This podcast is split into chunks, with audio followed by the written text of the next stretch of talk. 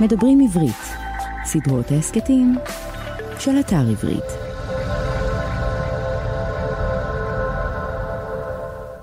שלום לכולכם, שלום לכולכן. אנחנו, הכיפות והשועל, מדף של ספרים ורעיונות לסקרנים ולסקרניות, מהדורת שלושה ספרים, כלומר, יש לנו אורח ושמו עמית סגל. האם צריך להציג את עמית סגל? כשחשבתי על השאלה הזאת נזכרתי בסיפור, אולי זו אגדה, חיפשתי את המקור ולא מצאתי אותו.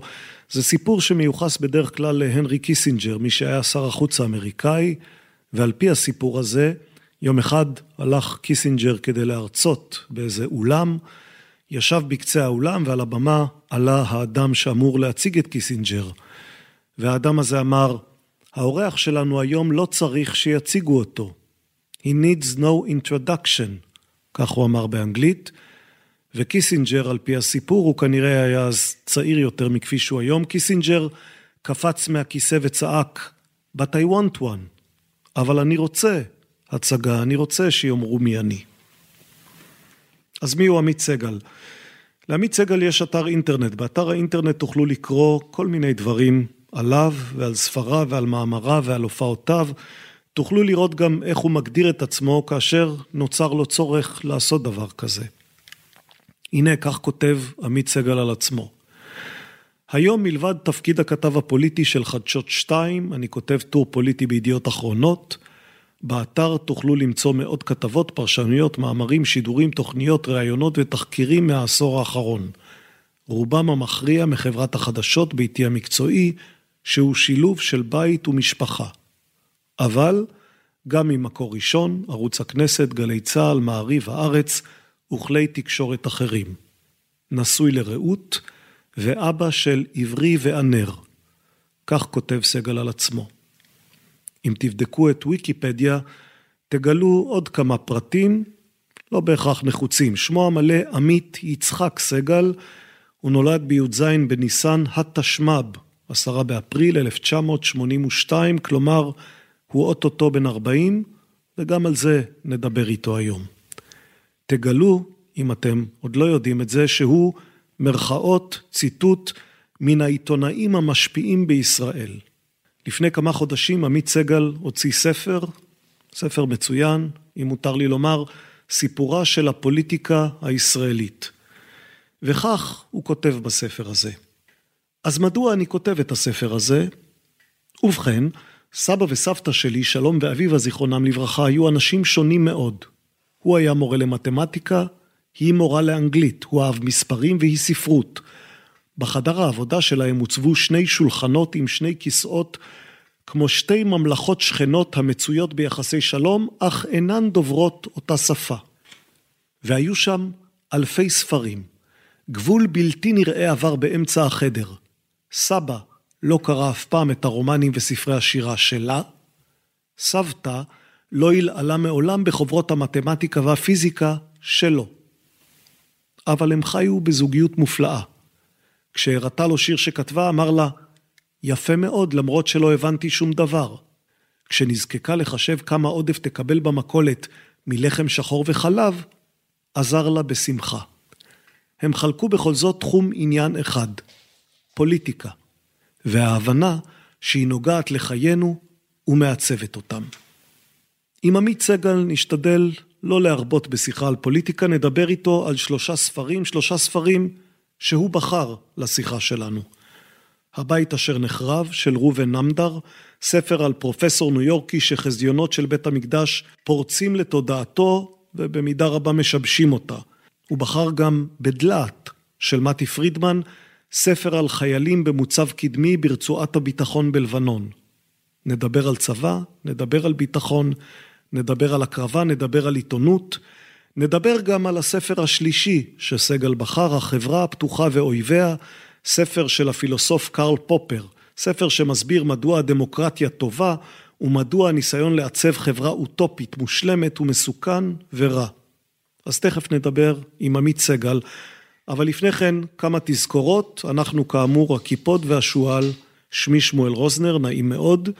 נזכיר לכם שיש לנו אתר אינטרנט שבו תוכלו לקרוא על המיזם שלנו, הכיפות והשועל, הוא נקרא kipshu.com, קיפשו, K-I-P-S-H-U, כמו הכיפות והשועל.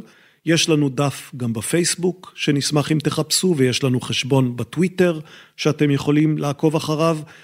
כבר הוצאנו גם שני ספרים במסגרת המיזם שלנו, הספר הראשון נקרא כנופיית המפציצים, מאת מלקולם גלדוול, הוא נמצא בכל חנויות הספרים, והספר השני נקרא פחד, חרטה ומשאלת לב, למה מנהיגים ואומות בוחרים במלחמה, זה ספר רלוונטי במיוחד לימים האלה, כתב אותו פרופסור גדי היימן מהאוניברסיטה העברית בירושלים. אז אמרנו כנופיית המפציצים, אמרנו פחד, חרטה ומשאלת לב, אמרנו אתר אינטרנט kipshu.com, פייסבוק, טוויטר, דבר אחד עוד לא אמרנו, אנחנו גאים ושמחים להימנות על רשת הפודקאסטים של חנות הספרים המקוונת עברית, ואנחנו ממליצים כמובן להאזין לכולם. זהו, עד כאן הקדמה, אולי קצת ארוכה מדי, אבל מיד יגיע האות, ואחריו, כאמור, שעה של שיחה עם עמית סגל.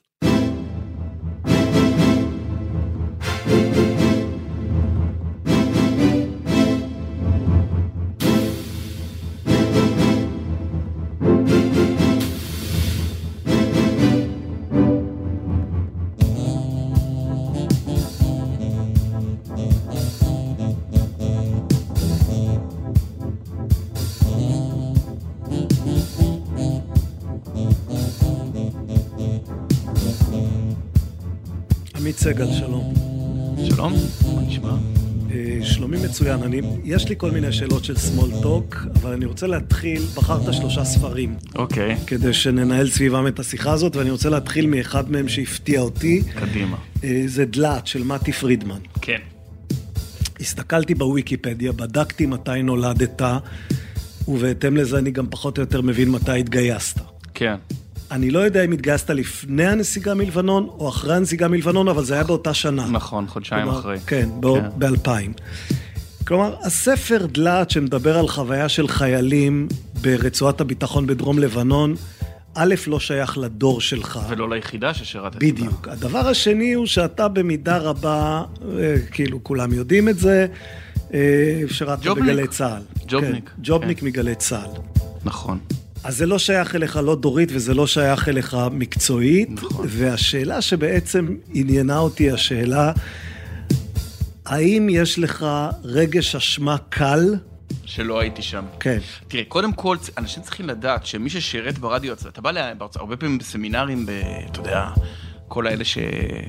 כמאמר האמרה No conflict, no flights, מוצא אצלך עם פלסטיני, איראני וזה באיזושהי בירה מפנקת. ואז שואלים איפה זה, ואתה אומר, אני התחלתי in the IDF radio. עכשיו, אני חושב שבשלב הזה, מי שלא יודע מה זה גלי צה"ל, חושב שמדמיין אותו, אותי עם אה, קלצ'ניקוב ביד אחת או M16. ומיקרופון ביד מיקרופון, השנייה. מיקרופון, וזה כן. בדיוק. ואנשים לא יודעים, אני חושב שגם ישראלים, עד כמה גל"צ היא כמו ה... הדבר הזה שהיו מראים פעם בתחזית בערוץ אחד, היה את בית דגן, אז היה עיגול שחור, זאת אומרת, בבית דגן לא ידעת מה מזג האוויר, זה היה blind spot. בגלי צה"ל אתה לא יודע מה זה צבא ברמות, אני זוכרת, הגענו לטקס סיום הקד"צ, ודיברתי שם עם אה, טינה, קצינת הארגון, ואח שלי שאז בגולני, בגדוד 51, היה בהלם שבכלל, אני כאילו מסתכל בגובה העיניים, מדבר לקצינה, לנגדת, או רב סרן, לא, נגדת, כן. נגדת, נגדת, כל בחירה. זאת אומרת, אני לא ידעתי מה זה, לא ידעתי, לא ידעתי כמה פלאפלים עושים אותך אה, רב סרן. אז, אז במובן הזה אולי זה חוויה אבודה קצת, זאת אומרת, אה, תראה, זה לא היה חוויה הדורית שלי, כאילו, אבל שנה מעליי, שנתיים מעליי, היו, אתה יודע, זה היה, זה היה הפס הכל של שנות ה-90. חייל שנהרג פה, טיל שנפל שם. נכון, כלומר, אתה היית בעצם בן עשרה כשהדבר הזה... תראה, אני, אני התגייסתי ב-86, כן. וגם אני את רוב שנות השירות שלי ביליתי בגלי צה"ל, לא את כולן. כן. אה, הייתי לפני כן ביחידה שבין השאר איבדה חיילים בהר דב ובכל מיני מקומות אחרים. אז אני מכיר קצת מעצמי והרבה יותר מחוויות של האחים שלי וחברים שלי. אני מכיר את החוויה הזאת כחוויה של הדור שלי. כן. אמ, ואני חושב שלי היה קצת את רגש האשמה הזה, לכן אני שואל שואל אותך עליו. אני לא יודע אם זה רגש האשמה, אלא יותר התחושה שחסר לך משהו מאוד יסודי בישראליות. זאת אומרת, מכל הטענות על גלי צה"ל המוצדקות ברובן המוחלט, הכי מוצדקת, שלא נשמעת דווקא כל כך, זה שמי שמשרת בתחנת הרדיו של הצבא לא יודע מה זה צבא. זאת אומרת, הוא לא שותף לחוויה ש, שרוב החברה הישראלית, אני מקווה רוב, חווה אותה. הוא לא היה בשמירות, הוא לא היה ב... אלא אם אתה יודע, שם ביהודה, ימית כן, שלוש שעות כן. בפעם בשבועיים נחשב. עם העוזי, כן, מול דלת הברזל. כן, מה, הוא לא יודע מה זה מדי ב', הוא לא יודע מה זה לרוב מה זה מדים בכלל, אם הוא משרת בירושלים. הוא לא מכיר את החוויה הזאת. ואז אז אולי זה קשור לזה, אבל האמת היא שדלת הוא ספר כל כך טוב, כתוב כל כך נהדר, בכלל אני חושב שמתי פרידמן הוא, הוא באמת, ה... כל ספר שלו מלמיליאן, באמת, גם על ליאונרד כהן עכשיו, גם בחירת הנושאים. תראה, היום מלחמת לבנון, המלחמה שבין המלחמות שם, בין הראשונה לשנייה, היא היום היא, היא, היא כאילו חזרה לתודעה עם אות המערכה ואיזה מאבק ציבורי, אבל הראשון ששם אותה הוא דווקא מישהו שלא נולד פה. אה, אבל כן, אבל כן שרת פה, כלומר כן, כן בא כן, לכאן, נכון. התגייס ושרת שם. אבל יש שם את המבט הזה, אחר כך נודע לי שהוא כתב את הספר באנגלית. נכון. זה לא עובר, זה, זה, זאת עברית מאוד אה, אחרת. חש... אמרתי, אני חשבתי שהוא כתב את זה בעברית. היה, היה שם בוא, כתיבה... אני, אני, מכיוון שהייתי שם אז, אז אני יודע איך זה קרה, כלומר היה... הספר תורגם לעברית, ואז בעצם נערך מחדש כמהדורה ישראלית. כן, עם כל המינוחים, לא צריך להסביר מה זה... חלק מהמינוחים זה... השמטנו וחלק מהמינוחים הוספנו, כלומר הספר, מי שיקרא אותו בעברית ובאנגלית יגלה שהוא ספר קצת שונה. שונה. אז תראה, אבל, אבל הוא בעצם אומר שם את, את, את הסיבה שלדעת, במשפט אחד הוא מזקק את הסיבה שהמלחמה, לא מלחמה הזאת, רודפת אותנו עד היום. הוא אומר, חשבנו שזאת המלחמה האחרונה. של העידן הישן, והסתבר שזו המלחמה הראשונה של העידן החדש. כן. עכשיו, עכשיו, זה בדיוק קו התפר של אותו שבוע דרמטי בשנת 2000, במאי 2000, שבו בעצם צד אחד אמר, בואו נעזוב את זה, אין לנו מה לחפש שם, למה להמשיך לדמם בזה, ואני אומר לך שכמובן בזמנו בתור uh, מתנחל צעיר, היה נראה לי תבוסתני והכל. כן, כלומר חשב, התנגדת לנסיגה מלבנון? חד משמעית, זה היה נראה בריחת תחת אש, והיה את הצד השני, שאמר בדיוק, בדיוק את זה, תראו, זה, זה, זה התפוצץ לנו בפנים, והתשובה, והאמת היא, ש, ש, שזה, כנראה אי אפשר לקבל שם את ההחלטה הנכונה. כי, כי בעצם היה פה את המפגש בין שני, זה היה צומת בלתי אפשרי בין רכבת לאוטובוס, שמה שלא תעשה אתה תידרס. אתה לא יכול להישאר שם, כי באמת לא הייתה תוחלת להמשך הדימום במוצבים. כלומר, היום כשאתה מסתכל על זה, הרי עברו 20 שנה. נכון. אתה, השנה אגב, בן 40, הבנתי כן, גם. כן, עוד חודש, כן, כן. כן. תכף נדבר על המשבר הזה, אבל... אז כשאתה מסתכל על זה 20 שנה לאחור, אתה לא ממשיך לומר זאת הייתה תבוסתנות, זה היה נורא, אסור היה לצאת משם, ומצד, אתה אומר לא הייתה ברירה. ומצד שני, הדרך שבה זה נעשה, אני, זה, להגיד הדרך זה נורא קל, אבל אני, אני כן לא חושב שהייתה... זה עכשיו על ביידן ואפגניסטן. זהו, לא, לא, כי אני לא חושב שהייתה דרך אחרת. זאת אומרת, איך שלא היית עושה זה, היה נגמר ככה. אבל היא שידרה חולשה נוראה. עכשיו, שוב, זה כמו הדילמה שאתה שם את 100 אלף שקל בבורסה והפסדת 70 אלף, ואתה אומר, אני עוזב עכשיו עם הזנב בין הרגליים, אבל נשאר עם קצת, או שאני נשאר ומסתכן בלאבד גם את ה-30 אלף האחרים. אני לא יודע להגיד לך, במידה רבה, התרופה ללבנון השנייה, אני חושב, הייתה מבצע... אה, חומת מגן, שבעצם אותתה לכל הנסראללות מסביב, שאנחנו לא קורי עכביש. זה לא שעוד תיתן מכה קטנה ואתה יודע, יסתבל לך גב, אתה מכה קטנה ופתאום כל העץ קורס. אבל, אבל. אני חושב שגם אלה שעשו זאת בזמן אמת, תזכור את, ה... את, ה... את האקלים שאפיין אז את ה... אפילו את החברה הישראלית.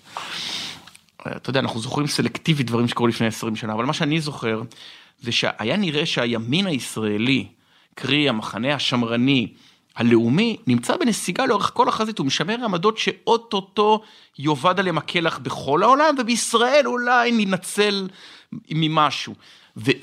כי גם בגלל התרבות, אתה יודע, נפילת החומה, הקפיטליזם, הטענות האבל שאיפה שיש מקדונלדס אין מלחמות שאנחנו רואים היום. שזה ו... לא לגמרי עובד. לא עד הסוף. כן. ו...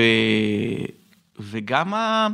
ו- ו- וגם הלאומיות כתוצאה מזה שבאמת אין, אין סיבה למה למות, אתה יודע, השמאל הישראלי מאוד אהב להמשיל את זה ואחר כך גם ניסה לעשות את זה ברמאללה כמו עם וייטנאם שלנו, למה להתבוסס בבוץ, והאמת היא שכנראה זה היה גם וגם, ו- וזה מה שמתי פרידמן מזקק שם, שזה גם היה הדרך האחרונה, או, או בוא נגיד ככה, זאת גם הייתה מלחמה של העבר וגם מלחמה של העתיד, ואהוד ברק, וכל החברים שיושבים שם, או אפילו אריאל שרון, שאנשים לא זוכרים שתמך בנסיגה, הם לא, הם, הם לא תפסו... הצבא התנגד אגב, מופז נכון. התנגד, היו אחרים נכון, שהתנגדו. אבל הם לא תפסו שזאת ה...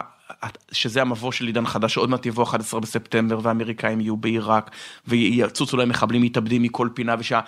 אגב, פרקטית שתורת הלחימה הזאת הולכת, אה, אתה יודע, זה, זה, זה סימן רשום, זה הולך, הולכים למכור את הזכויות של זה בכל העולם. כן.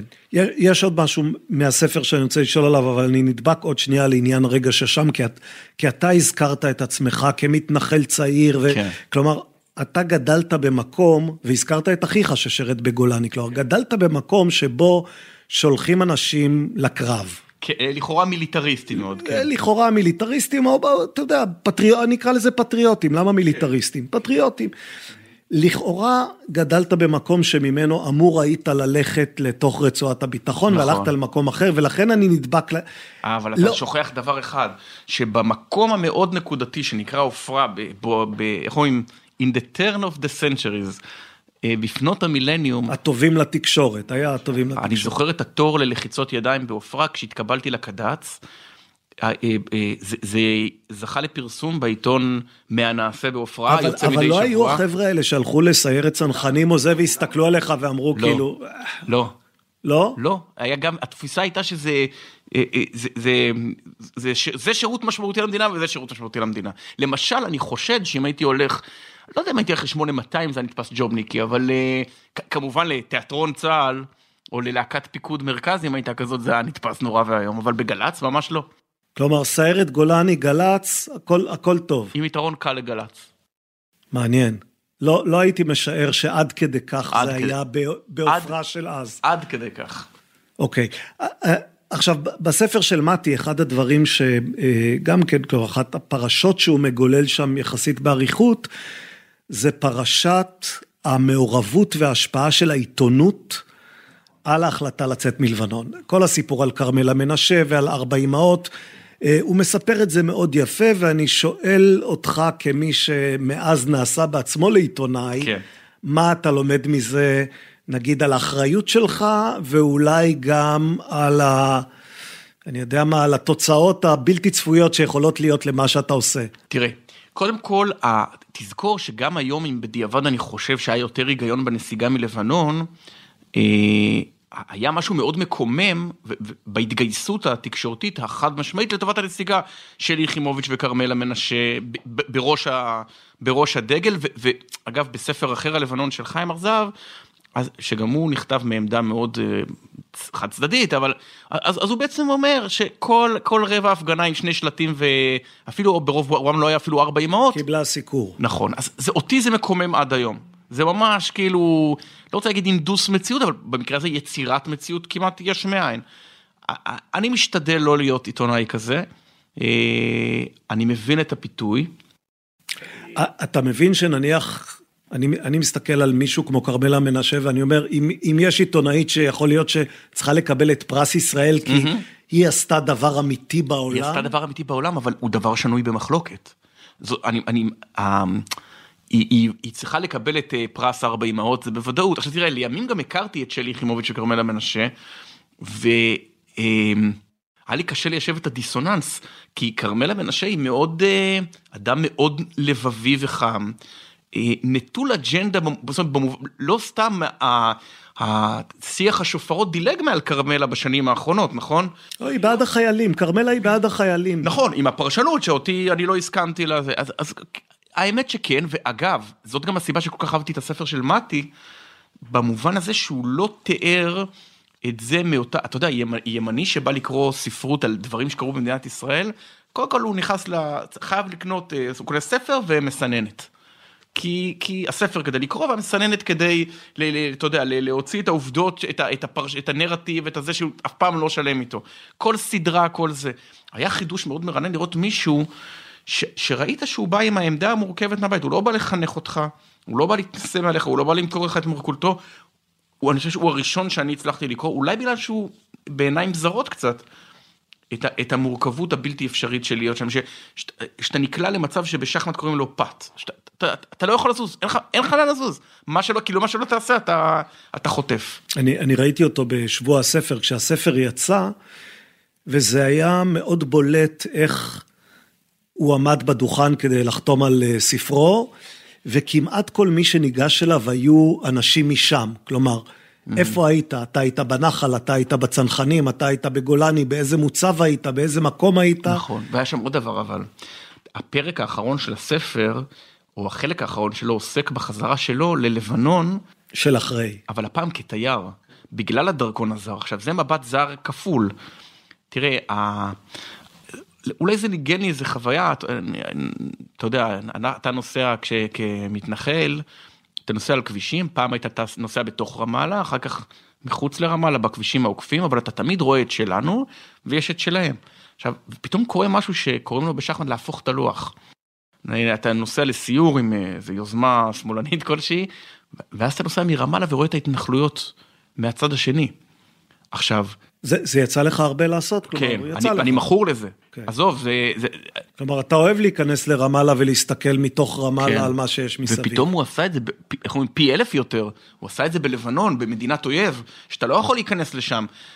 והמבט הזר הכפול הזה פתאום מאפשר לך לראות דברים באמת להפוך את לוח השחמט, לראות מצד אחד את, באמת את חוסר התוחלת, מצד שני את היופי, לראות אותה בתור יעד תיירותי.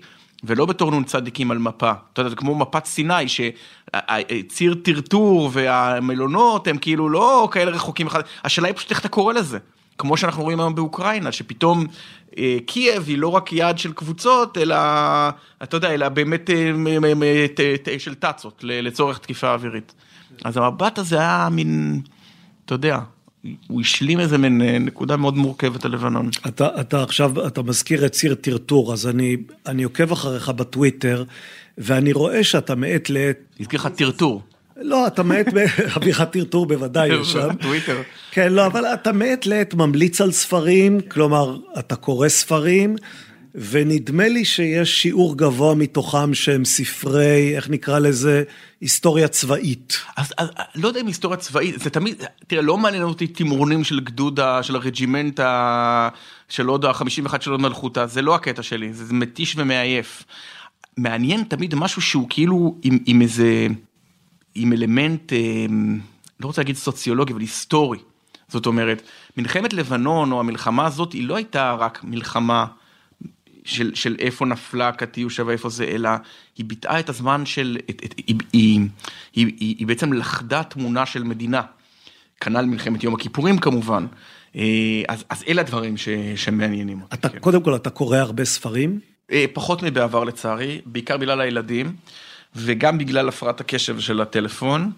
אה, מה, ש, מה שגורם לי להניח שאתה קורא בעיקר בשבת. נכון, זה, זה, זה אתה מצליח אגב להתאפק בשבת, אתה הרי לא תגיד לי אם לא, אתה מצליח להתאפק בשבת לא להסתכל בטלפון? תראה, אני לא מכבה את הטלפון, אה, ראיתי עכשיו שזה לא טוב מול הפגסוסים וצריך לכבות אותו פעם ביום, אז אני אעשה את זה. אוקיי. אבל, זאת אומרת, אני לא מסתכל בטלפון, אני לא, לא זה, אבל, אבל אתה יודע, אם יקרה משהו, אה, אני, אני אדע, גם אשתי לא דתייה, אז אתה יודע.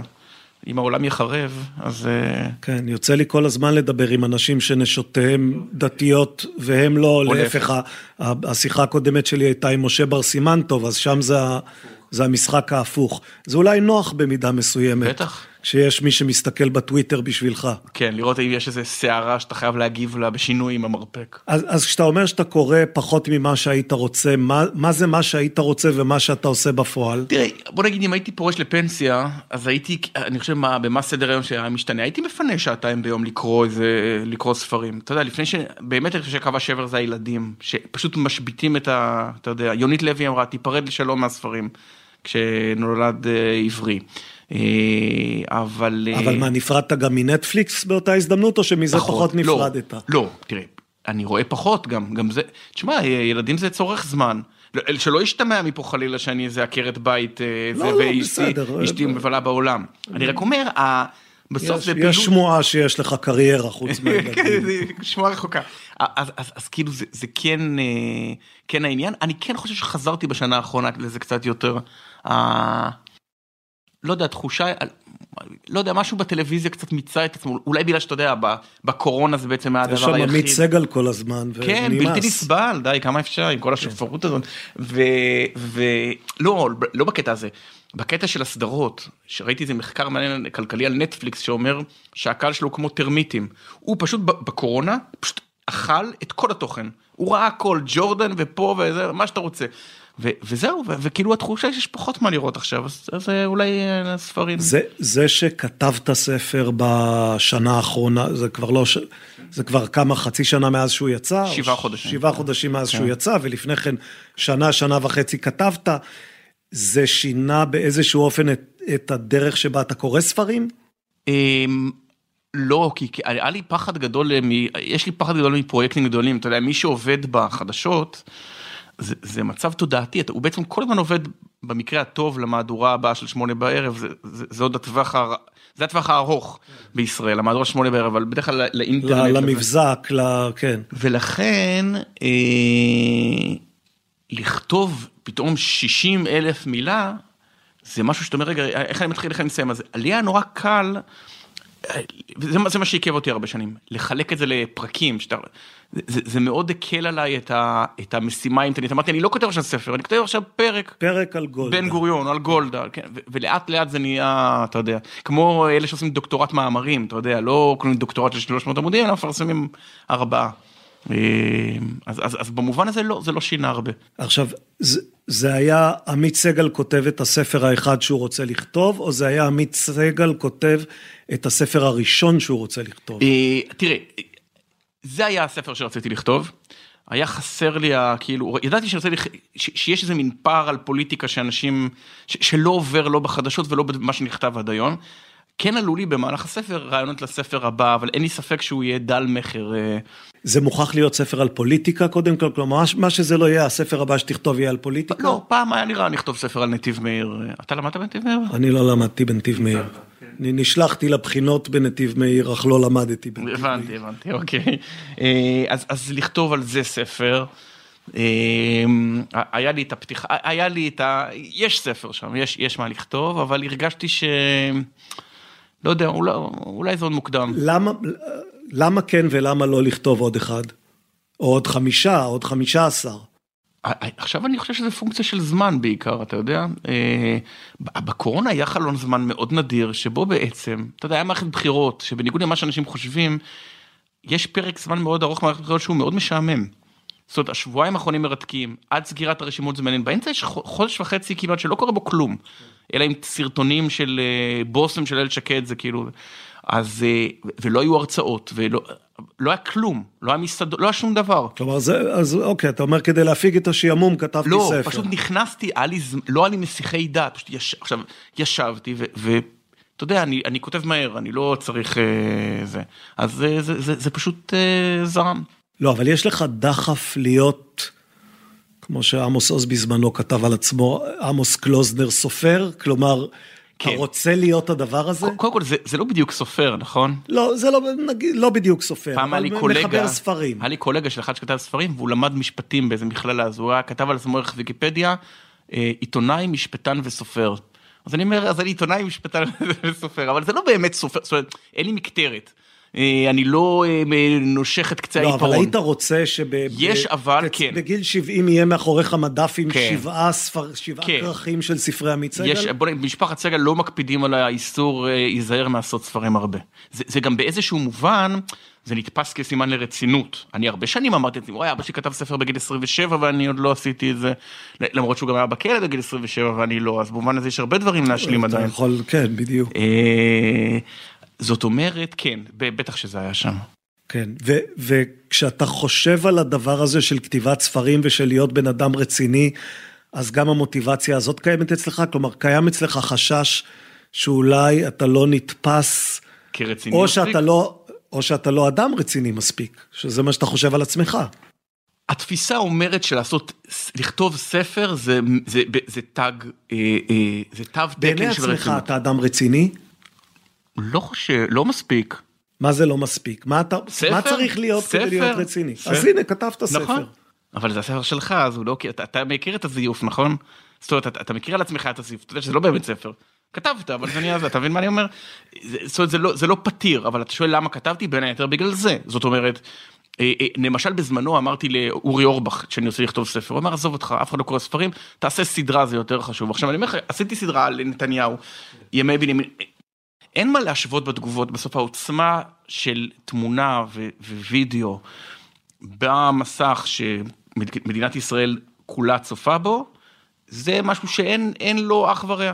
אתה יודע, התמזל מזלי ש- למכור רבבות עותקים, אז, ונניח כל אחד העביר את זה לעוד מישהו, אז קראו את זה, קראו את זה 100 אלף, עכשיו שוב, הם השקיעו 8, 9, 10 שעות מהחיים שלהם וקראו את זה, אז זה, זה יותר מאשר סדרת 100 הטלוויזיה. דקות וידאו, אבל אין מה להשוות במספרים, זה, זה בסוף, בעולם של היום, באמת, עכשיו תסתכל גם, אז זה עינת נתן, ש, שדיברתי איתה לפני חודשיים בערך בשיחה כמו שלנו היום. שאלתי אותה מה הספר הבא, והיא אמרה, אין ספר הבא, אני עכשיו עובדת על סדרת טלוויזיה. ואמרתי למה, והיא אמרה, כי לא, לא מספיק אנשים קוראים ספרים. אמרתי לה, מה זאת אומרת, אותך קוראים עשרות אלפים. אז היא אומרת שזה, עכשיו תחשוב שזה היה מוכר 3,000 עותקים. אתה מבין? זה, זה, זה, נניח אה, הספר של ברק רביד, אני לא יודע כמה הוא מכר, אבל בסוף הרבה יותר אנשים נחשפו לכתבה בטלוויזיה עם הגילויים מהספר, מאשר קראו 300 עמודים על עלילות טראמפ במזרח התיכון. אה, יש לזה עוצמה, לא, לא סתם אני חושב כל התקציבים, במאים, שחקנים עוברים היום למשל מהקולנוע לטלוויזיה. זה קצת דומה. אתה עובד שלוש שנים על משהו, ואז אתה צריך שאנשים ישימו בייביסיטר, ויתלבשו יפה, וילכו לקולנוע, ויקנו כרטיס, ויראו, וזה לא כל כך עובד היום. ו- וגם הקשב כמובן. תשמע, אני מסתכל על עצמי, אני מאוד אהבתי קולנוע, אני לא יכול לראות היום, ל- להפקיד את חיי עכשיו שעתיים באולם חשוך, בלי להתעדכן מה קורה, קשה. אז, אה, אז אולי אותו דבר עובר על ספרים. אבל לא, לא, לא שאני אבל- מספיד אבל, אותם. כלומר, אנחנו בודקים, ואחד מחמישה אנשים בישראל אומר שהוא כתב, כותב, או בכוונתו לכתוב ספר. כן. אז משהו כנראה יש בזה בכל זאת. יש בזה צורך, אתה אולי אתה, אתה מרגיש שאם לא כתבת ספר, אז לא, לא השארת משהו בעולם. תראה, אני אתן לך דוגמאות אחרות. הגשתי במשך אה, ש- חמש שנים תוכנית אה, עם ירון דקל ברדיו. שאני מאוד אהבתי, אחד הדברים שהכי אהבתי לעשות בחיים, היא הייתה מאוד פופולרית, צברה צפייה, אה, האזנה וכותרות כל שבוע, הוא אמר בדקל סגל זה התבטא, וזה. והיא נגמרה ואחרי שבוע אף אחד לא זכר. רדיו הוא הדבר שנשכח הכי מוקדם. סדרות טלוויזיה, יש דברים שאני זוכר. מודי בר-און, יצירות מופת הוא עשה טלוויזיונית, אבל היום תשאל אנשים ברחוב, מה ערוץ הספורט? התחושה, האשליה אגב, האשליה המוחלטת, מי שלא מאמין שילך לחנויות יד שנייה, היא שספר הוא משהו שנשאר. עכשיו, עכשיו האמת היא שהוא לא, אתה יודע, אה, בודדים נשארים, והרוב כן, לא. אבל בוא נגיד, אה, שוב, אז כמה זה יחזיק? עשר שנים? על מדפים? נכון, בעוד עשר שנים תמצא את הספר בפינת הזה על ספסל שם ברחוב. תראה, הספר שלך בעוד עשר שנים, אז יגידו, עברו עוד עשר שנים, יש מבט אחר על נתניהו, מבט אחר על נפתלי בנט, ומבט לא, אני אחר... חושב פיזית אפילו, משהו שיישאר. פיזית. יש היום, אצלך בארון הוא יישאר. אצלי, בדיוק, אז, אז אני אומר, זה מה שחשוב לאנשים. הם מרגישים שהם חרטו שריטה על קיר הנצח. אולי זה הסיבה בארץ זה. אז בוא, קיר הנצח, זה, זה, הנה, נתת לי את הדרך להתחבר לספר הבא שבחרת. אה, שהפתיע אותי גם קצת, הבית אשר נחרב של ראובן נמדר. נכון. בוא תספר לי על הספר הזה ולמה אהבת אותו. פה אני מרגיש צייד כישרונות, כי אני, איך אומרים, אני, אני אה, אהבתי את הספר עוד לפני שהוא נהיה פופולרי, לפני שהוא זכה בפרס אה, ספיר לדעתי. אה, יש בספר, קודם כל, הספר, מי שלא מכיר, הוא, לדעתי, לא שאלתי את, אה, את אה, הסופר, אבל הוא נכתב סביב בסוף רעיון קטן, כאילו כמעט משחק מילים. ש- שני בתים נחרבו בתשעה באב, שזה שני בתים ביום התשיעי בחודש האחד עשר. זה בירושלים. ובניו יורק שני בתים, המגדלים חרבו ביום התשיעי בחודש, ביום האחד עשר בחודש התשיעי. זה כל הסיפור, קודם כל. זה, על זה לדעתי הוא בנה את כל הספר. עכשיו הוא השתמש שם בכמה דברים מל, מלהיבים מאוד. אחד, זה ה... בעצם הוא יצר מין איזה עולם מקביל בין החיים של אה, אה, מישהו כמעט מתבולל בשם כהן בניו יורק, מרצה באוניברסיטה, לבין אה, הכהונה. כן, זה מרצה בקולומביה שבעצם באים לו חזיונות מ- מבית המקדש ודעתו כמעט נטרפת. ולאט לאט וכולי. עד שהוא מגיע ל- ליום ה-11 בחודש התשיעי, ואז קורה בו משהו, זה כל הזמן מתנהל בשני מישורים, שבעצם, ה- איך אומרים, כמו החיקוי בארץ נהדרת, הם- רק מי שמדבר שתי השפות, שני השפות, ידע לה, ל- להזדהות גם עם זה וגם עם זה. כל מי שנו- ש... ש... עשה פעם ריצה ובפודקאסט, ש- ב- ב- ב- באייפוד שלו התערבבו אה, רחם של אברהם פריד ו-This is the life של אימי מקדונלד, רק הוא יבין על מה מדובר, הערבוב הזה. עכשיו, חרדים לא יבינו את זה, חילונים גמורים לא יבינו את זה, מעטים יבינו ורובם הם דתיים אז, לאומיים. אז כלומר הספר הזה מצא חן בעיניך בין השאר משום שהוא מדבר בשפת הסתרים שאתה מרגיש גם שאתה... וגם בשתי שפות. כן, אבל זה לא הוא, שפת סתרים, הוא זה- מדבר בשפה שאתה מרגיש. שאתה ועוד מעטים כמוך זאת אבן- מסוגלים להבין. זאת אבן הרוזטה. רק מי שיודע לקרוא את זה ואת זה יכול להגיע ל- לפענוח. זה אחד. שתיים, יש שם עברית מאוד מיוחדת, אולי גם זה קשור לדלת קצת. שלא ידעתי לשים את האצבע מהי בדיוק, אבל זה עברית של מישהו שחי הרבה מאוד שנים כן, ב- ראובן בחו"ל. אמדר לא חי בארץ. זאת אומרת, זה עברית לא ישראלית, זה דבר שקשה לנו לתפוס אותו. אנחנו רגילים ששפת המדינה היא עברית, ואין דוברי עברית בעולם. אין ספרות עברית בעולם, זה לא כמו אנגלי בס- בסין. אז, אז כן, אז מה, מה קורה כשאתה מפשיט את העברית מהישראליות המחוספסת שלה, מהשפה הצבאית למשל? אין בה גרם צבאי שם. אז, אז כאילו זה גם מאפשר לך לחזור לימים שבהם העברית באמת הייתה משהו אחר, או טרום הישראליות, וגם לשדר איזה אירופיות צוננת כזו, איזה זרות צוננת כזאת. יש את זה לספר... לא, וגם החדירה המאוד חזקה של שפה אה, משנאית, תלמודית, כלומר של כל, נכון. כל ענייני עם בית כל המקדש. הטריקים שהוא עושה, שאתה כאילו קולט באמצע שהפנטהאוז שלו הוא בית המקדש. הוא פשוט מתוכנן כמו בית המקדש, הוא מלבני, חלונות שקופים אטומים, הוא מגיש לאורחים שלו בשר נא ויין וזהו, כי זה הטריק, וכאילו לא, זה חזק מאוד. חשבתי, אה, אה, גררתי לפה, גררתי לפה אה, ספר שאתה בטוח מכיר. כן, כן. זה כאילו טריק קצת לא יפה שאני עושה, אבל, אבל, אבל אני אקריא לך, אני אקריא לך קטע פה. זה קטע שעוסק בפרה אדומה. תשע פרות אדומות בלבד נשחטו לאורך ההיסטוריה מול פני הקודש כדי לאפשר לעם היהודי להיטהר מטומאת מת. לא היה דרוש יותר מכך, אל שרפת הפרה אפשר להוסיף גזעי עצים לאין ספור, וזאת כדי להרבות את האפר כך שיספיק לעשרות ומאות השנים הבאות. האמת היא, זה המשפט שרציתי, האמת היא שיהדות נטולת אפר פרה אדומה, כמו זו של ימינו, היא יהדות נכה. כן. אני מקריא מהספר של אחיך.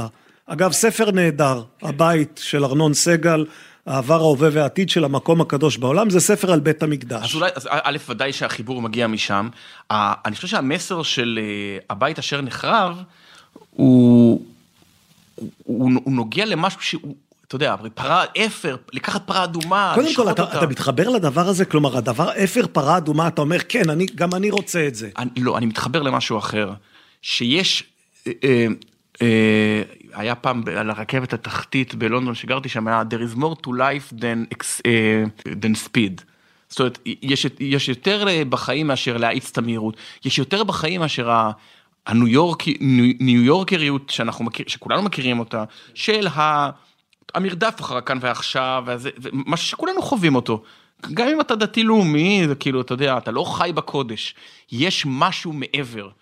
גם אם אתה כהן בזה, יש, יש איזה מין עולם שמעבר, יש איזה מין, תקרא לזה רוחניות, תקרא לזה קרמה, תקרא לזה איך שאתה רוצה, תקרא לזה אלוהים, תקרא לזה אפר פרה אדומה. יש משהו בטקס, של אם זה פרה אדומה במקרה הזה, או כל דבר אחר שגורם לך להרגיש שזה לא, העולם לא מתמצא, מת... לא, אבל מ- תראה, אני, שוב, זה לא שאני רוצה לאמת אותך עם עמדותיו כן. של אחיך, שהן עמדותיו של אחיך, אבל הוא, הוא כותב, בלי אפר פרה אדומה, היהדות נכון. שלנו נכה. טוב, היה לנו ויכוחים על זה, אז אה, אה, לא, לא ספציפית על פר, פר, פרה אדומה, אלא לא, אני אמרתי לו, תשמע, לדעתי קורבנות היה, אם אתה מסתכל על זה היום אתה מזדעזע, אם אתה מסתכל על זה במשקפיים של אז, אז זה בדיוק הפוך, זה נועד לצמצם את ה... כל הריטואלים האלה עם דם ובשר ואש וזה, אלא לצמצם את זה למקום אחד. אה, לא כל אחד יכול לעשות את זה, זה נועד לצמצם את הטבח, אז היום לא צריך את זה לכאורה. אז הוא אמר לי, כן, תחשוב על זה כמו על מנגל יום העצמאות, למה עושים, אה, אוכלים בשר באיזה... אוקיי, אני יכול להבין את זה. אני, אני הטענה שלי על המקדש הזה שלא תוכל לברוח מה... אה, מהקדושה של ירושלים ושל הר הבית. עזוב, אפר פרה אדומה תשים בצד. לא, לא תוכל. מה, מה, בוא... לא ת- תוכל לחיות פה ב... רק ב... בעוד שלוחה מערבית ב... בלבנט, זה לא, זה לא יעבוד פשוט. תראה, הדמות, אני אגיד לך, הדמות הציבורית שלך לפחות, אתה יודע, גם אני רואה אותך בטלוויזיה מעת לעת, אה, כדמות ציבורית אין בך שום דבר רוחני. מאוד ישראלית. כן, ישראלית, אתה יודע, חד לשון, מאיר דיבור, ו- וכל הזמן בטלפון שלו. כן. אתה לא, אתה לא מקרין רוחניות. אני לא רוחני, לא, חלילה לא טוען שאני אדם רוח- רוחני. לא, אבל, אבל אתה אומר, אבל יש לי... המנוע שלי הוא מנוע אבל אני. רוצה ש... אתה יודע, בא אליי מישהו פעם ואמר לי, אה, לחש לי בשקט כדרכם של ימנים אנוסים, הוא אומר, "אה, תדע לך, גם אני שונא ערבים. מישהו שאתה מכיר, מפיק, מפ- אמרתי לו, האמת שאני לא שונא ערבים בכלל, באמת, אני, אין לי טיפת שנאה לערבים, אני לא גזעני, זה מצחיק אותי, הטענות, אה, הטענות האלה מצחיקות אותי. זה נוב... אני, אני, הסיבה ש... אני מחזיק בעמדות שאני מחזיק בהן היא לא ניתוח גיאו-אסטרטגי של איפה הפלישה ואיפה זה, אלא ש, שזו ארצנו, אז כאילו, זה לא רוחניות כמו שאתה, של הרב פרומן, כן? אני לא עם אורות גבוהים טלית כל היום ותפילין. לא, אבל אתה אומר, יש משהו ברור. מעבר. מה, מה מה? מה זה משהו מעבר?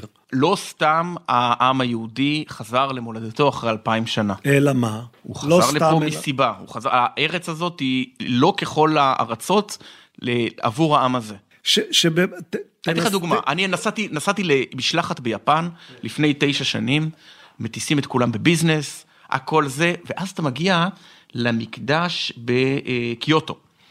ו- ואתה רואה אנשים עולים לרגל וצליינים ואומרים, הם, הם, אתה, אתה, הרסתי את הפאנץ', אתה רואה אנשים אה, צליינים, ו- ואני שואל את המדריך מה זה, אז הוא אומר, הם, הם אה, עולים לרגל, זה עיר הקודש שלהם. האם לא עברו לי מחשבות בסגנון, רגע, רגע, זה נורא נוח שיש לך עיר קודש לידך, אז להם זה קיוטו, לנו זה ירושלים, מה בעצם היתרון, כן? והתשובה היא שהסיפור, לדעתי, שקרה משהו בארץ הזאת, שכל העולם, היא המוקד הרעש של כמעט כל התרחשות עולמית דרמטית שהייתה פה, של כל הדתות המונותאיסטיות שהיום אוחזות 80% מהאנושות לדעתי, של אה, היסטוריה, של היין, של השפה, הכתב, הכל קרה פה. אפילו מעבר מה... וזה לא קרה במקרה, אני חושב. לא קרה במקרה, זה אומר שאתה מניח שקרתה איזושהי התרחשות שהיא מחוץ לגדר הטבע? אני לא יודע, או שואלים אותי, זה אלוהים וזה, אני לא יודע, באמת זה גדול עליי. אני, זו, המשפט האהוב עליי בתנ"ך הוא נצח ישראל לא ישקר ולא ינחם, כי לא אדם הוא להנחם. הוא לא אדם. עכשיו, אתה רוצה להגיד לי, האם הוא אל שהוא סבא זקן וטוב? לא יודע. אבל יש נצח ישראל, יש משהו. לא, אבל אתה, אתה, אתה הרי אדם שחושב על דברים, אז, אז, אז אני שואל באמת, האם אתה מאמין באיזה משהו שהוא מעבר, מעבר לטבע, מעבר לחוקי הפיזיקה, או כן. שאתה אומר לא, קודם כל אני חושב שיש משהו שחצני בלטעון שהטבע כמו שאנחנו מכירים הוא הוא ואין בלתו כי לפני 100 שנה הטבע לא כלל אה, אה, חשמל. לא, אבל יש הבדל בין, בין דברים שאתה אומר, הם בתוך הטבע, רק עוד לא גילינו איך הם עובדים, לבין נכון. דברים שאתה אומר, הם יצאו מחוץ למערכת החוקים שאנחנו יכולים לגלות בכלל. יש דברים בלתי מוסברים שאתה לא, לא יכול להסביר והם לא, לא רק אה, פרי של מערכת חוקים שממתינה להתגלות. יש דברים שהם לי גורמים להרגיש שהם אה, הם, הם, בלתי מוסברים, לא במובן של אה, חציית ים סוף, אלא במובן של עם שקם בעצם אחרי אלפיים שנות, אה, כמו בסרט הזה עם סילבסטר סטלון, אחרי אלפיים שנה בהקפאה. אה, של שפה שהתעוררה, אתה, אתה יודע מה גרשם שלום אמר על השפה העברית לא... הוא, הוא איים עלינו שהשפה עוד תרדוף אותנו, הוא צדק במידה אלוהים, רבה. אלוהים לא ישתוק בשפה שבה אה, אה, התנבאו הנביאים. ו... ו...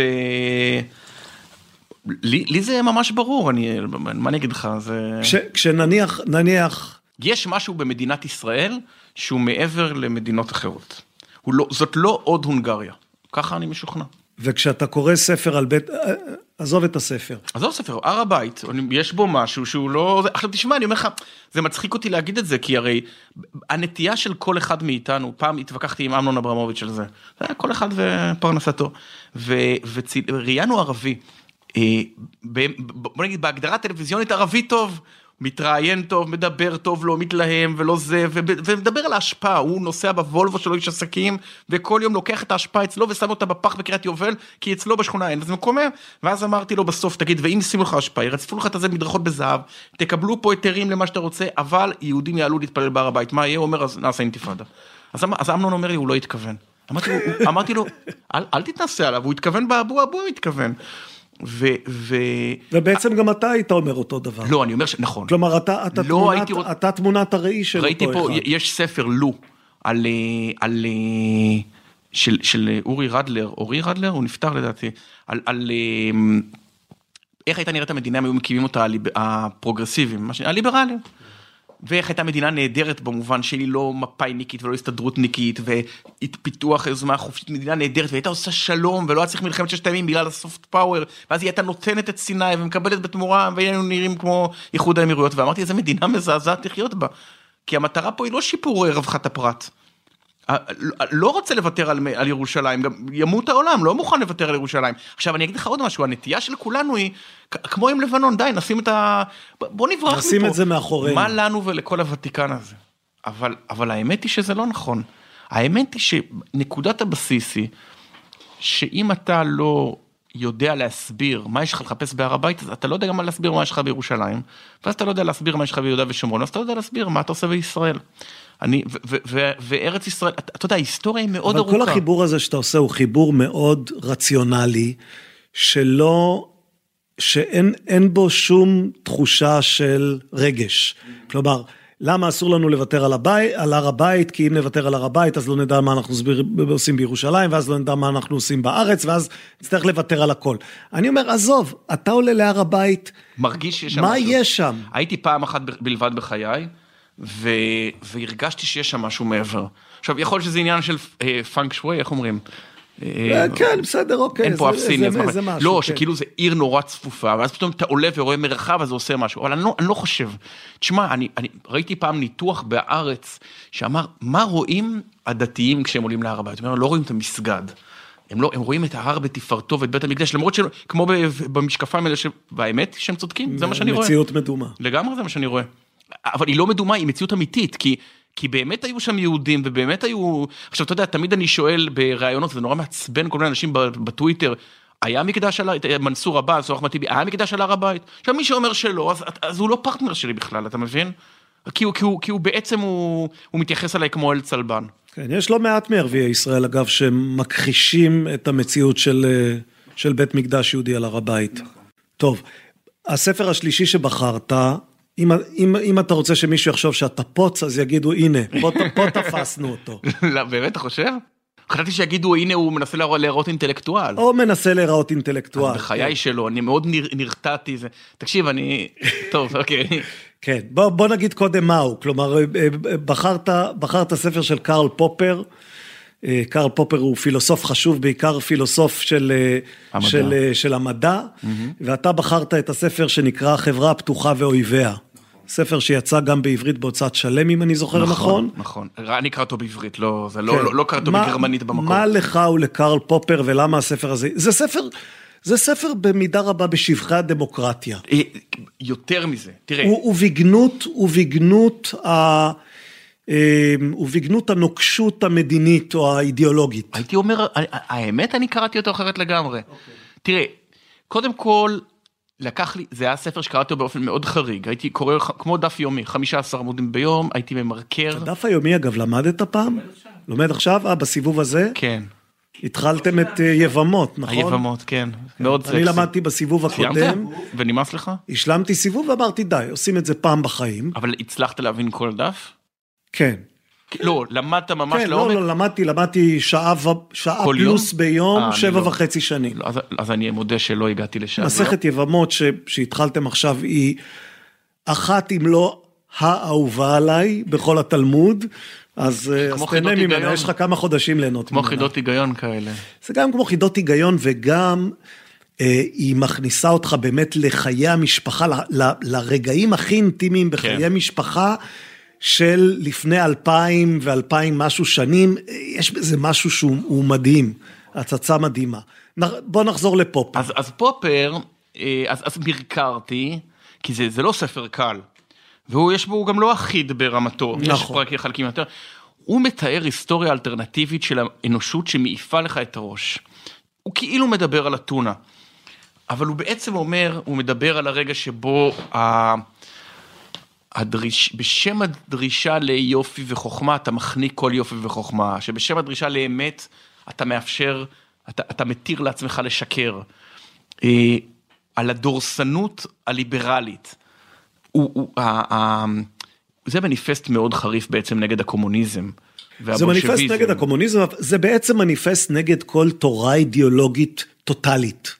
לא טוטליטרית, טוטאלית. והוא בעצם נותן כבוד לימין, הוא אומר שבעצם הימין הוא המקום הליברלי באמת. אם אני, אם אני, אולי צר עולמי כעולם נמלה, אבל הליב, המונח ליברלי, שאתה יודע, נתפס כמשהו ליברלי מאוד, הוא, ולפיכך שמאלני, הוא, הוא אומר בעצם זה הימין, זה הצניעות אל מול היכולת של אדם אחד לבנות נוסחה אחת, אני בכלל נזהר באנשים שיש להם תזה אחת שמסדרת את כל העולם. המילה ימין פה בארץ יש לה איזה קונוטציה שהיא מאוד קונוטציה כזאת של שטחים ושלום. לא בהקשר הזה. על שמרנות, הוא מדבר על, על צניעות נכון, שמרנית. נכון, אבל יותר מזה אני חושב, הוא, הוא, הוא זועק נגד היומרה של, אה, בעיקר משמאל, זה מה שהוא כותב, שבעצם מתירה לאליטה קטנה, בלתי נבחרת, להשתלט על, על, על, על המציאות, על ההמון, על אמצעי ההפצה של המידע. אה, הוא הוא מצייר שם דברים מדהימים על אתונה, שה... ה- הוא אומר, יש תפיסה, אגב, גם הוא טוען שההיסטוריונים שכתבו הם ברובם משמאל. שייכים לאותה, נכון, לאותה ולכ- אליטה קטנה שמייצרת ולכן את ההיסטוריה לא את כותבים הנרטיב המנצחים, הזה. אלא המנצ... מנצח מי שכותב את ההיסטוריה בעצם. אז, אז, אז הוא מתאר שם, הוא אומר, תקשיבו, אתונה, הרי אתונה הפסידה לספרטה. ואז הלקח כאילו היה שאין עתיד לדמוקרטיה האתונאית. ואז הוא אומר, אבל אתם לא יודעים שמי שהרס את אתונה זה אותם עשירים, אותם אליטות שנשבעו בסתר הנשבע לעשות הכל כדי להזיק לאתונה, והם הזדהו עם ספרטה בגלל מנגנון השליטה הקשוח על, ה- על הנתינים שלה. עכשיו, למי מאיתנו זה לא מהדהד, לדעתי גם לפופר עצמו, את אותם אה, אליטות שסימפטו את הקומוניסטים, ב, ב, ש, שבעצם בגדו בבריטניה. קים פילבי, שהיה מאוד קרוב להיכנס לשישייה פה, המרגל והבוגד. אה, הייתה לך התלבטות על השלישייה? כי לא סיפרת לי, טוב, אז תכף אני אשאל אותך מי, מי הספרים שרצית כן. ולא נכנסו. אז, אז, אז בעצם הוא אומר, אה, הוא, הוא, הוא נותן כבוד להמונים, אה, שזה, יש פסוק שדרור אידר, שגריר ישראל ברומא, אמר, שינן לי פעם, והרי יש את הסכסוך בין אה, מיכל בת שאול לבין דוד בעלה. שהוא הוא רוקד שם ובואו נגיד את ה- בלשון לא תנכית רואים לו את התחתונים כשהוא רוקד ואז אה, היא אומרת לו מה קורה שאתה מפזז. אתה המלך. אתה המלך. המלך, איך אתה רוקד ככה. אז הוא אמר, ונקלותי עוד מזאת. והייתי שפל בעיניי, ועם המהות אשר אמרת, עם כל השפחות האלה, איתם יכבד, אז זה הכבוד שלי איתם. אה, אני אה, מאמין בדמוקרטיה, בבסיס שלה, שנוטים לשכוח אותו מרוב תחכום, שהרוב קובע. הרוב הוא חכם. וגם אם הוא אתה טועה, באמת הוא... מאמין שהרוב הוא חכם? אני מאמין שהרוב ודאי יותר חכם מכל ניסיון. כי- כי הוא- פופר לא בדיוק הוא אומר לבטח לא שהרוב הוא טיפש חכם. יותר מהמיעוט. מה, מה שפופר אומר זה שכל עוד אתה דבק בשיטה הדמוקרטית ובהכרעת הרוב, אתה משמר מספיק גמישות כדי לתקן טעויות. כן. כלומר, הבעיה עם שלטון האליטה זה שהאליטה מייצרת טעויות שאחר כך אי אפשר כל כך לתקן כי אין מי שיתקן אותם. ובעיקר שאין לך שום דרך להצדיק את שלטון האליטה על פני, ה... על פני הדבר הזה. על פני, על, על, על פני ההמון.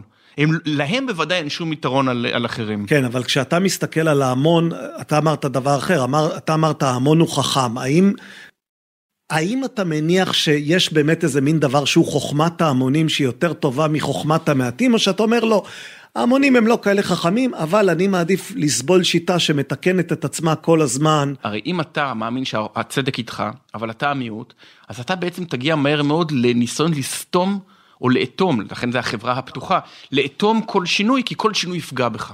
עכשיו, למה להרחיק עד אתונה העתיקה? כל אחד מאיתנו חווה את הדבר הזה. אני חוויתי את זה בעיתונות. מגיע מידע לעיתונות בשנות התשעים על זה שכוונותיו של יאסר ערפאת אינן טובות, והוא לא רוצה שלום, והם לא משדרים אותו. למה? כי זה, כי זה פוגע ברצון להתקדם לעבר ישראל טובה יותר. וכל אחד חווה את זה, עזוב את התחומים הפוליטיים הרגישים וגם הנדושים וזה. כל, כל אדם שסיקר פעם תחום יודע שיש דברים שהוא צריך להיזהר יותר. יש את הפוליטיקאים או את המסוכרים שאתה נזהר קצת יותר. למה? כי מישהו אמר. אני זוכר שהיה, כשהייתי אוקיי, כתב אוקיי, בכנסת, מה המקור שלך? היינו הך, אותו דבר. או כשאתה כותב על יוסי שריד, תמיד כשהוא בא, יצא מוועדת חוץ וביטחון, באו כל המיקרופונים אליו. למה? כי, כי, כי ככה, עכשיו הוא היה חשוב? לא, אבל היה מין איזה הרגל הוא כזה. ידע לדבר הכי יפה. כן, אבל אותי, לא יודע באיזה ש... עכשיו, עכשיו שוב, כמו שיש בטח היום עיתונאים צעירים יותר, שרואים אותי ורואים את, את התבניות הסמויות מהעין האלה. אה, אז שינפצו אותם בכיף. אתה מבין? זה, זה, זה בעצם... אתה רואה בעצ... כלומר, אתה מזהה אצל עצמך תבניות כאלה כבר? כן. בטח. מה, בוא, תן... אז לא, אני לא רוצה לתת שמות כי אני עובד על עצמי, אבל לא, למשל, אה, אנשים שהייתי צריך להיכנס בהם יותר חזק, אבל כמו שאתה אומר, הם מקור מאוד טוב. אה, אני משתדל לחשוב שאני עומד ברוב המבחנים האלה, אבל לא תמיד, זה לא מבחנים זה- גדולים אני, נורא. אני אשאל אותך שאלה נורא קשה, וכאילו, אני, אני, אני מראש יודע שאי אפשר לתת עליה, אפילו אם אתה רוצה, אתה לא יכול לתת עליה תשובה כנה עד הסוף. כמה אתה חרד למעמדך, הרי הגעת למעמד מסוים, ויש לך נראות, ויש לך עוקבים, ויש לך צופים, כמה החרדה למעמדך היא מאלצת אותך לעצב את, ה, את ההופעות שלך? תראה, זה דבר, אה, אה, הוא הוא עובד בשני הכיוונים, מצד אחד ודאי, אתה לא רוצה לאבד, זה נורא לא נעים, לה- גם אם אתה הגעת לאברסט ורק ירדת שני מטר, אתה עדיין גבוה מעל כל העולם כמעט, נכון? אבל יש מישהו שהוא שני מטר מעליך, אתה, אתה טעמת את טעמה של הפסגה, זה לא נעים לרדת ממנה, אז אתה רוצה לשמר את זה. מצד שני, הדרך לעלות לפסגה לא הייתה לקפוא על השמרים, נכון? יש משהו מאוד קשה בלהיות על הפסגה, אבל להמשיך לטפס עליה. ו- ו- ואני לא יודע להגיד לך שמצאתי את האיזון איך לעשות את זה. אני חושב על זה הרבה זה, מאוד. זה מעסיק אותך כל הרבה? הזמן. האם זה מעסיק... זה הדבר שמעסיק אותי היום הכי הרבה. אז, אז, אז, אז עכשיו אני אשאל, האם זה מעסיק אותך יותר לקראת אה, יום הולדת 40 שלך? כלומר, האם אתה קושר את זה באיזשהו אה, אופן גם לסגירת מעגל של גיל?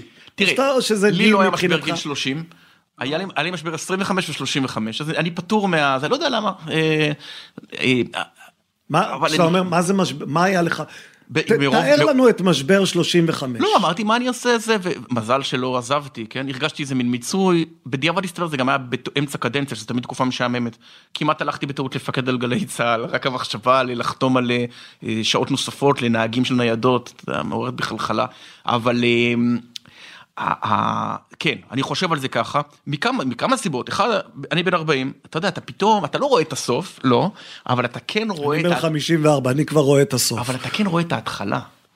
זאת אומרת, ואתה יודע שאתה לא שם, אתה יודע, אני פתאום מרצה לסטודנטים, ואני קולט שאני, למרבה הזוועה, יכולתי להיות אבא שלהם. אמנם אם הייתי חרד"לי או, או כזה, אבל, אבל יכולתי להיות, או, או, או אימא שלהם אם הייתי בדואית, כן? גדול מהם 15-16 שנה, 17 שנה. העולם שלהם הוא אחר, אני אומר לעצמי, האם אני מצליח לשמור על קשר איתם? קשר עין. אני חושב שלאוהדי כדורגל זה קורה ביום שהם מבינים שכבר אין שחקן כדורגל בגיל בגיל שלהם, שלהם. שהוא כבר נחשב זקן. אה, אז זה דבר אחד. דבר שני, אתה יודע, אתה, אנחנו אחרי הרבה מערכות בחירות, אתה בעצם מכור לאדרנלין וקרי, וריגושים, ופתאום אין את זה. פתאום יש קורונה, ואז מלחמה באוקראינה, ואתה אתה מתקשר לעורך, הוא קצת קצר רוח, ופתאום אתה מגיע כן, למערכת אתה כבר לא במוקד כן, ההתרחשות. מסתכלים עליך קצת מה הבטלן הזה עושה פה, אמ, ואתה אומר לעצמך, רגע, אז אולי זה, כי, זאת אומרת, יחזור להיות שיא כמו שזה היה? אמ, תראה, ארבע מערכות בחירות ברצף אי אפשר להבטיח לך יותר. אבל העולם משתנה, והכל משתנה. תראה, אני חושב שהשתנה משהו מאוד משמעותי השנה. הסתיים עידן, לא רק, לא יודע אם נתניהו יחזור או לא, אבל הסתיים עידן נתניהו, גם אם נתניהו יחזור לעוד 100 קדנציות. העידן שאומר, עלינו או לצרינו, אז זה או ככה, ימין או שמאל. כי הכל התערבב, כי, כי פתאום יש לך את איילת שקד שהייתה קודם יותר ימין ועכשיו יושבת עם רע"מ, ואתה ככה ופה והכל הכל מתערבב ורק, וזו רק ההתחלה. תגיד, יכול להיות שהפריחה של עמית סגל ככוכב טלוויזיה מושתתת על העידן הזה? כלומר, בעידן אחר, כן, בעידן אחר אתה כבר לא יכול להיות מה שהיית? לא, אם זה ככה אז קריסתי קרובה, אתה יודע, יש בשורות למי שלא קריסתך סובל אותי. בעיצומה, כן. כן, שקיעתי. אה, יכול להיות, אני לא בטוח, מהטעם הפשוט, שגם היה עידן לפני עידן נתניהו. אתה יודע, היינו ב-2013 בממשלת בנט-לפיד הראשונה, שבעצם גם הציעה מין גישה כזאת למציאות של נשים את המריבות האידיאולוגיות. נכון, אבל בצד. בדיעבד אנחנו יודעים שזה היה... זה... אבל היא ביטאה סנטימנט מאוד גדול. עכשיו, אין, אני אגיד לך משהו אחר. כדי לא להיות איש של אה, זרם אחד, אתה יודע, מנהיגים בעולם ידעו להיות מנהיגים של מדיה, אז כתבתי את זה בספר, של מדיה אחת. בגינה של הכיכרות, קנדי של הטלוויזיה, אובמה של הפייסבוק, אה, טראמפ של הטוויטר. ביבי גדולתו הייתה שהוא גם של הטלוויזיה של שנות ה-90 וגם של הפייסבוק, לכן הוא שרד כל כך הרבה שנים. עכשיו, המחמאה הכי גדולה שראיתי אי פעם על מישהו הייתה שכתבו על ברי סחרוף, שהוא מאוד ערני. הוא ערני, לכן המוזיקה שלו היא לא, הוא, הוא לא נופל למלכודת הלהיטים הגדולים של עצמו. הוא לא מציע את אותו להיט גדול 200 פעם. גם שלמה ארצי הוא כזה, אני חושב, למרות הכאילו אוהבים לה, קצת להרים את ה... לעקם את האף, שהוא לא, לא, לא תרבות גבוהה. לא, אני לא מעקם את האף על שלמה ארצי. אולי היום כבר לא, אבל היה דור כזה שאמרו, טוב, אומנות גבוהה זה ברי. היה דור שאמר את זה גם על נעמי שמר. נכון. יודע, לפעמים צריך נכון, איזה נכון, זמן נכון. ש, שיגידו, כן. נכון, לא, לא, אני לגמרי לא מסכים שם, אני חושב שמגיע לשלמה ארצי רואה ביוגרפיה של המדינה בחמישים שנה האחרונות. ואני אומר, איך אני, איך, איך להישאר כזה. אז אתה צריך להיות מאוד ערני, מאוד להבין את הזמן, את הזמן העובר ואת מה שמשתנה. אני, אני נשאר עם, עם 40, כלומר אתה בן 40. תראה, לא מזמן, לא מזמן אה, אה, מת יואל מרקוס, ש, שעשה המון המון שנים אותו דבר, אה, שינויים, הוא היה כתב פה והוא היה כתב שם והוא כתב ככה וכתב אחרת. הוא סיקר את מנהיגי המדינה 60 שנה. אבל בגדול אתה מסתכל, אתה אומר, זה יואל מרקוס, קריירה מפוארת המון שנים. עכשיו אני מסתכל על עמית סגל ואני אומר, האם עמית סגל בגיל 80, זה יהיה פשוט יואל מרקוס של עוד 40 שנה, או, או, או משהו מהסוג הזה, או שאתה אומר, לא, יש איזה פרק שאני צריך למצות, ואחר כך אני הולך להיות בהייטק, או בפוליטיקה, או ב... או ב לא יודע במה, ת, תגיד לי אתה במה. יש לי מחשבות על זה, בדיוק כשיואל מרקוס נפטר, אז ראיתי, היו, היו, כתבו עליו מאוד יפה, גם אלוף בן. ודיברו על הסקופ שלו על בגין, היה מאוד, שבגין בעצם אה, נפל ומצב בריאותו וזה, ו... וזה היה מאוד מעניין לקרוא, ואז אמרתי, רגע, אז, אז, אז בעצם זה המורשת שלו? הוא הביא את הסיפור על בגין שנפל באמבטיה? לא יישאר מזה הרבה. אבל ב...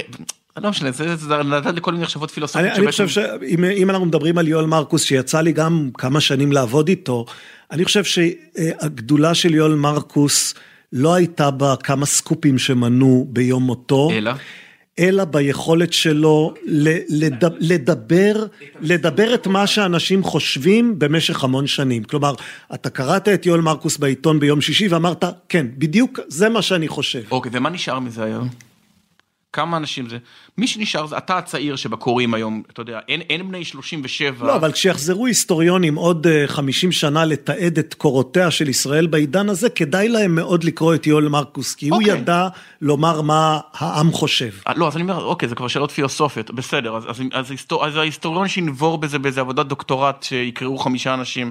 אז זה המורשת, אני לא, אני לא יודע, אני אומר, אין לי הצעה יותר טובה, אני לא, אני לא יודע לעשות דברים אחרים. טוב, אבל את זה אתה יכול לשאול כמעט על כל, מה, מה המורשת של, של, משה שרת. של מנתח, לא, עזוב, קח מנתח בכיר בבית חולים, מה המורשת? הוא הציל 317 אנשים שגם הם מתו בסוף. נכון, אז נכון? מה המורשת? לא, אני לא יודע, סתם מחשבות פילוסופיות ללא תשובה.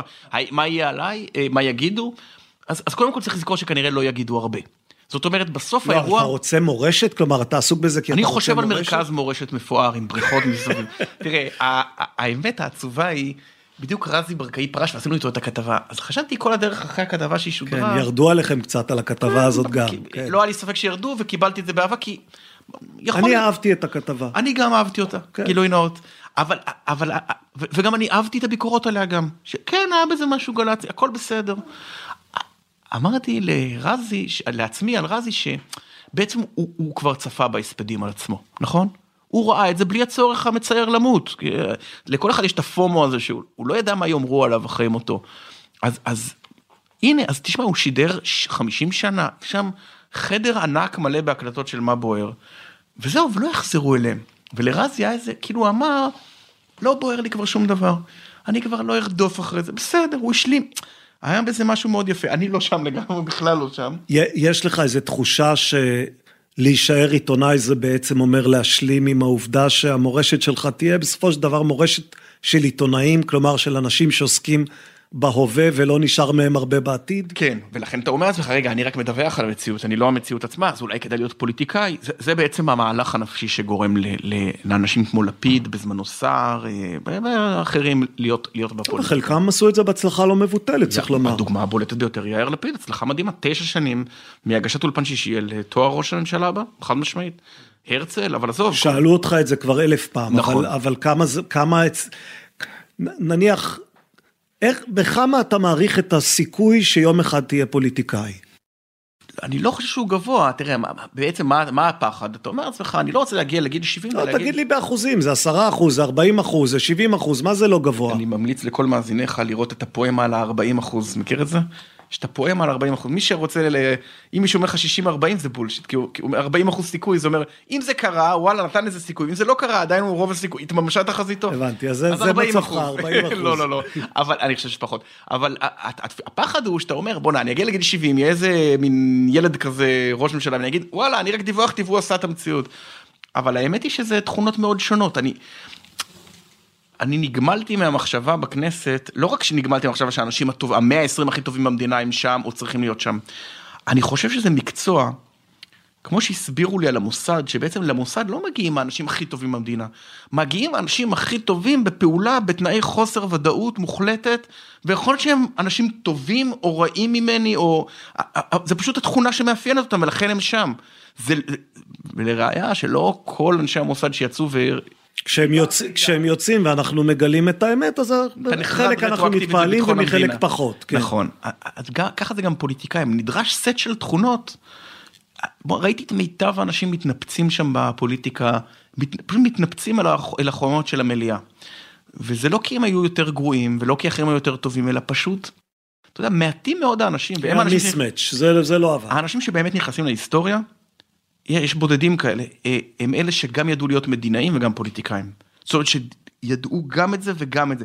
גם ידעו איך להתנהל וגם ידעו בעצם מה הם מחפשים שם, לא רק להתקדם.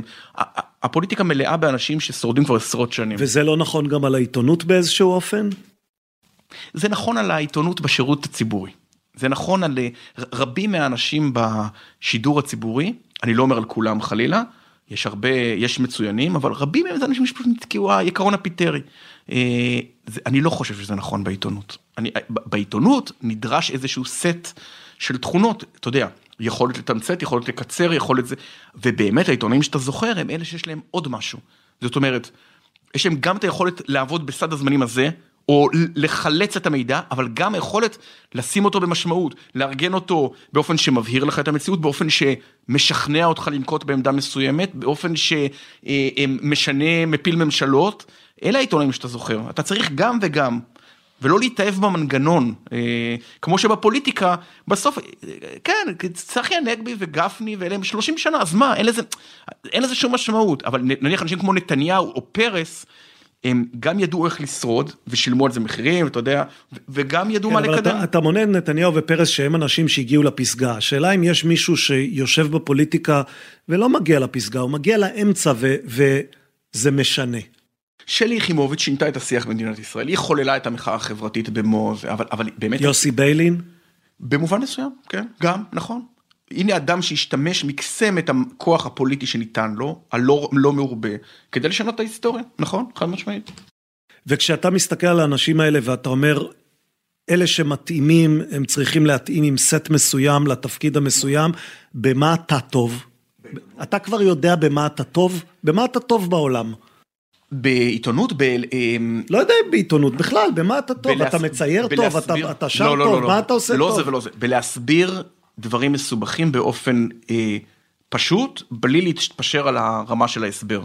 אולי לא, לא מוזיל אותו. ובנוסף לזה, לתת לאנשים, אה, אה, להשמיע לאנשים את הקול שלהם, אה, ש- שאולי הם לא יכולים לבטא בעצמם עד הסוף. אבל, אבל, אבל זה מה שהם באמת מאמינים בו. מה הספר הבא שתכתוב? אני חושב שעל מפלגות נעלמות בתולדות המדינה. כלומר, מפלגות שהיו התחייה, ואינן. עוד. המרכז החופשי שהיא מפלגה שהייתי שמח להצביע לה, העולם הזה של אורי אבנרי. כל מפלגות כאלה בוטיק, ששינו אני את לא בטוח המדינה, שלא יקראו את זה. כן, יכול להיות. יש, תלוי יש, לזה. יש לזה אולי קהל. אולי, כן. מה הספר שאתה קורא עכשיו? כחש, על, אה, על משפט קסטנר. מה, יש לך איזה עמדה אה, רגשית בעניין משפט קסטנר? אני כמובן, כפשיסט, אני חושב שקסטנר היה בוגד שמכר את נשמתו לשטן, אבל קראתי ספר של אמנון לורד נפלא לאורי אה, אבנרי, שבעצם טוען שאורי אבנרי לא היה מרגל אה, סובייטי, הוא היה סוכן השפעה סובייטי. המטרה שלו הייתה תמיד לשרת את האינטרס ההוא ולערער את האמון במוסדות המדינה. ועל הרקע הזה שיתוף הפעולה בינו לבין שמואל תמיר הפרקליט ש- במשפט, התו- ב- לא התובע, כאילו התובע המהותי משפט המתגונן, כן, קסטנר. המתגונן. אה, כן, התובע המוסרי של קסטנר, אה, שיתוף פעולה שהוא לא כך הגיוני, השמאל הקיצוני מול הימין הקיצוני, לערער את האמון במדינה ומאוד מעניין אה, זה, אז, אז אני בעמדה קצת יותר חצויה, אם כי כמובן זה להגן על פושע מלחמה נאצי אחרי המלחמה, זה נראה לי טירוף מוסרי. מקווה שמרב מיכאלי לא שומעת. כן, זו נקודה קצת מוזרה לסיים שיחה, אבל בוא, אבל כן. בוא נסיים אותה פה. עמית סגל, תודה. תודה רבה.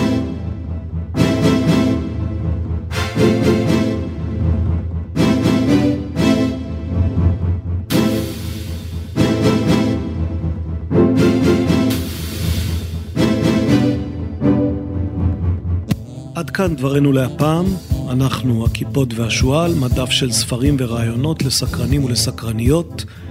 תודה לעמית סגל שהתארח, תודה למתי פרידמן, לראובן נמדר, לקרל פופר, שכתבו ספרים שאפשר לדבר עליהם. אגב, גם הפניות לספריהם וגם הפניות לכל מיני ספרים אחרים שהזכרנו בשיחה תוכלו למצוא באתר של הקיפוד והשועל. נדמה לי שכבר אמרנו את כתובתו, אבל ליתר ביטחון נגיד שוב, קיפשו. קיפשו, כמו הקיפוד והשועל. kipshu.com נשמח אם תבואו לבקר, תוכלו לקרוא עוד קצת על המיזם שלנו, תוכלו לקרוא עלינו ותוכלו לקרוא גם על הספרים שלנו. יש שניים עכשיו בחנויות, כנופיית המפציצים מאת מלקולם גלדוול ופחד, חרטה ומשאלת לב מאת גדי היימן, ספר ממש חדש. נזכיר שיש לנו דף בפייסבוק שאתם מוזמנים לעשות לו לייק ושיש לנו חשבון בטוויטר שאתם מוזמנים לעקוב אחריו, גם אתן מוזמנות. נזכיר שאנחנו שותפים עם שאר הפודקאסטים של חנות הספרים המקוונת עברית. נזכיר שאנחנו כאן בערך כל שבועיים, פעם עם אורח או אורחת, פעם לבד, מה שאומר שבעוד שבועיים נהיה לבד. אני חושב שאני יודע על מה נדבר בעוד שבועיים, אבל ליתר ביטחון נשאיר את זה בערפל כדי שעוד אפשר יהיה לשנות. תודה שאתם איתנו, תודה שאתן איתנו, נקווה שתחזרו שוב, שלום ולהתראות.